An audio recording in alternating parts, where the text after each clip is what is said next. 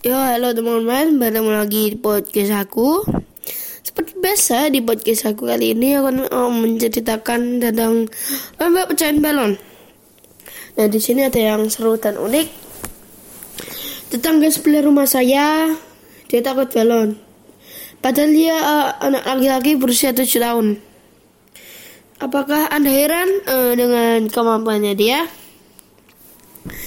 Dia takut sama balon dan takut pecah takut uh, itu anaknya suka kartun teman-teman. Tapi dia tuh takut balon ya Allah sumpah itu anak lagi-lagi berjasa loh teman-teman. Kepala keluarga loh itu. Ih, gila sumpah. Ya udah uh, pada waktu itu pecahan balon aku lah menang. Soalnya aku paling gendut teman-teman. Apalah daya ya teman-teman. Pecahin balon itu cuma ya menang. Kan cepat ya. Oke bagi kalian yang suka dengan podcast ini jangan lupa ikutin terus dengerin terus